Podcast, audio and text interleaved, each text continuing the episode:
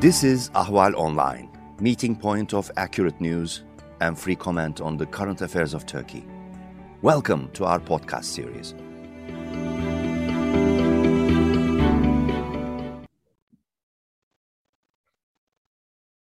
Hello and welcome to Hot Pursuit, part of Ahval's video and podcast series. Uh, today, my guest is joining me from Washington, D.C., Merve Tahiroğlu, program Turkey program director of POMED, Project on Middle Eastern Democracy.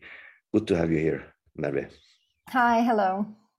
So uh, let's have a brief uh, tour d'horizon about Turkish-American relations, uh, the recent tension within NATO, Sweden and Finland being the actors in it, and also uh, the um, potential incursion of the Turkish armed forces onto Syrian, uh, especially Kobane enclave or region. Uh, the incursion seems imminent, but uh, it is still not. It has still not taken place but the expectations or guesses are that it will be taking place.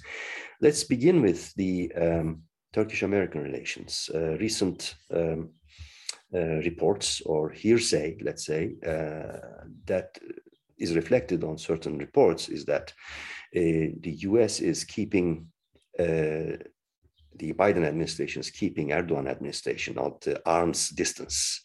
So uh, cold shoulder and also uh, alienation, maybe.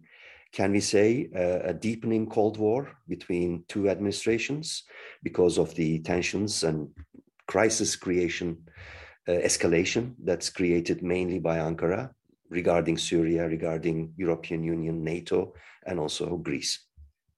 Yeah, there is a. I think there's definitely an intention in the on the part of the Biden administration to keep uh, Erdogan's government at arm's length at this point. We've seen this with the uh, meeting between uh, Secretary Blinken and Foreign Minister Çavuşoğlu just a few weeks ago. But we've it's it's definitely become all the more uh, uh, pronounced uh, since Erdogan's declaration that Turkey would be Turkey would you know potentially veto the accession of Finland Finland and Sweden into NATO, which is, you know, has created a bit of a crisis within NATO at this time. Uh, I think, you know, uh, Turkey's and specifically Erdogan's reaction to Finland and Sweden at a time like this, when for NATO it's so important to have some coherence and uh, you know show itself as a strong force, a growing force against Russia in order to deter Russia from you know taking actions like it did in Ukraine again in the future. At a time like this, you know, one country, Turkey, coming out as the as the problem and saying that I might actually uh, uh, stop this from happening. I think you know uh, this is really the tip of the iceberg in terms of how Erdogan's Turkey has behaved uh, within NATO and other multilateral institutions like the Council of Europe in the past few years. It has, you know, in, whether it's been watering down statements, joint statements, unanimous statements that are coming out of these uh, institutions against Russia and Russian aggression whether it's been, you know, unilateral policies that Turkey has pursued that has come at the expense of the interests of NATO or the United States or other NATO members like Greece, um, all of these put together have clearly painted a picture that Erdogan's Turkey is a deep problem to have within NATO. And this is the reason why I think the Biden administration uh, really wants to keep an arm's length uh, with Erdogan. And add to that the fact that Erdogan is an increasingly autocratic, uh, you know, uh, man. Uh, there, you know, every day he does something that is more and more oppressive against his own people. He's now taking, you know, we're, we're facing an election in Turkey in about a year. And, you know, it, the, over the course of that year, um, we expect like many more transgressions against Turkish democracy and human rights to happen. All of the, these reasons together for an administration like the Biden administration that purports to, you know, uh, defend democracy in the world against, uh, you know, rising autocratic tides, uh, I think is enough cause to keep Erdogan and Erdogan's government at, at bay, uh, at least until the 2023 election, I think. There is also the sort of growing realization that the the appeasement or enabling uh, the the uh, government in Ankara, uh, especially when you know democratic bloc is battling Putin, uh, similar type of autocrat.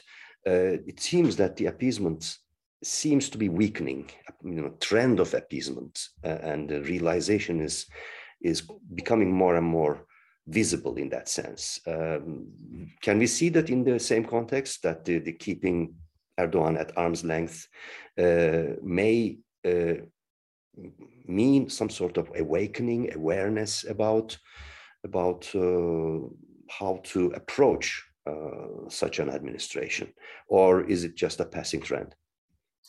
Well, I, I do hope uh, there is such an awakening in the Biden administration about this because they have had a, a, policy of appeasement towards not just Turkey, but many other countries. And especially now, there's very controversially this idea that uh, Biden might be visiting Saudi Arabia and uh, meeting with uh, Mohammed bin Salman, uh, Crown Prince. Uh, I think, you know, all of this shows and, you know, policies towards Egypt all of this shows that the Biden administration does appease leaders like this when it feels that it, it has to. And certainly, all the discussion about providing F 16s to Turkey as a sort of thank you for Turkey's um, uh, uh, sale of drones, uh, Bayraktar drones to Ukraine in this war uh, with Russia. Um, I think that was also part of this trend of appeasing leaders like that. However, we are seeing that diminish a little bit. I think Erdogan's reaction to Finland and Sweden really struck a chord um, in NATO. And also, right after that, he said that he was going to, you know, he, he plans on uh, carrying out this operation in Syria, uh, despite the fact that Russia, NATO, the United States, Iran, Syria, all these countries have come out and said that we don't want to uh, see such an operation. I think it's likely that Erdogan will carry it on. Every single statement he, he makes and his government makes it show, shows us that.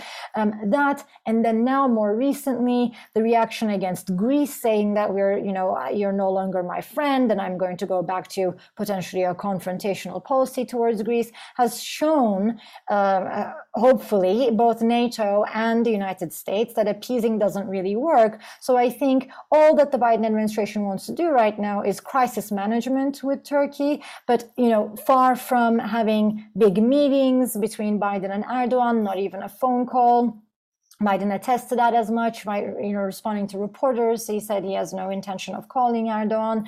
Um, I don't think they're going to try to insert. The U.S. is going to try to insert itself uh, strongly into the negotiations between between Finland, Sweden, and Turkey. They, they think NATO should have that role, and, and Stoltenberg will be carrying out that role. Um, so definitely keeping at arm's length. Uh, I think that's the current policy. Keeping at arm's length. Uh, do you think it's a coherent policy between the key institutions uh, in, in Washington, D.C., Pentagon, State Department, and White House?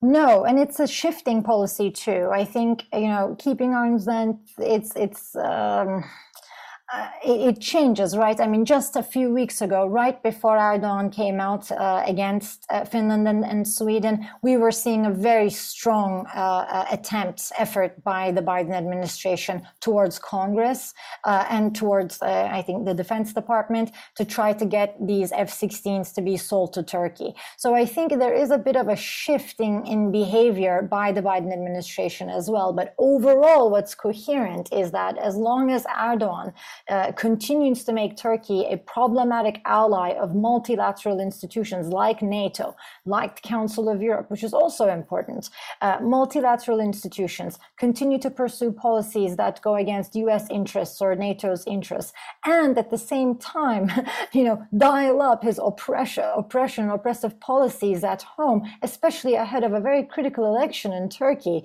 Um, I think as long as all of these factors are going to be in place, uh, we're not going to see a, a positive embrace um, uh, uh, by Biden of Erdogan. Uh, which brings us to the, you know, point of the core point of the conflict now rising the the potential incursion of onto Syrian soil by Turkish armed forces. Um, that is, of course, you know, basically confronting the Biden administration and also the ISIS, you know, coalition against ISIS.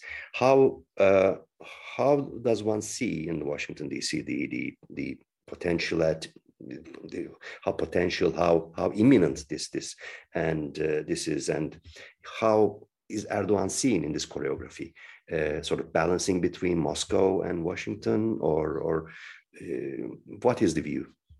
Well, Turkey has been following its own policy in Syria, you know, without the blessings of the United States for a very long time now. And it has been cooperating with Russia on every single aspect of its policy in Syria. So I think with this operation too, ultimately what Turkey needs is a green light from Russia and not from the United States. The United States knows this as well.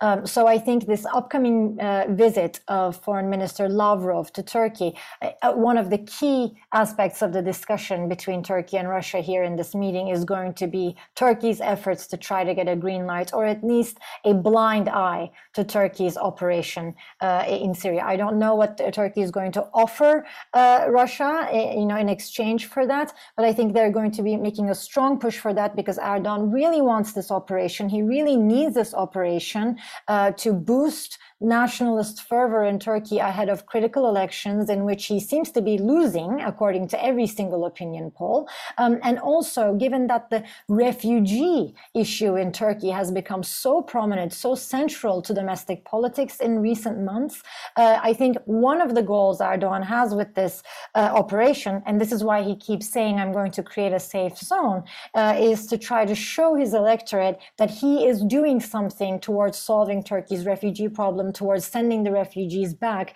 Uh, I think that's a pipe dream. It's probably not going to happen, but at least he wants to demonstrate and uh, to, to his people that he is doing things unlike the opposition parties uh, towards solving this problem. So Turkey is most likely going to do it. And I think from Washington's perspective, it looks clearly as an election domestic ploy. And also, uh, one should be added that the, the large segments of the opposition uh, would be already uh, you know gave their uh, consent for for the for the uh, military operation onto onto Syria which of course complicates the political picture uh, in Turkey. As always it is it is complex. It is complicated. Uh, yeah. Merve Tahiroğlu um, the Turkey program director of um, POMED Project on Middle East and Democracy um, thank you for this um, valuable assessment about the latest where we are at the ongoing crisis. Thank you. Of course, of course. Thank you very much.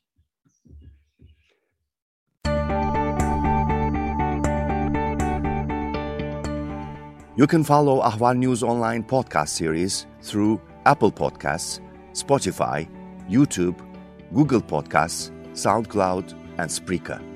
All you need to know about Turkey is here for your ears mind, and attention. Thank you for listening to our podcast.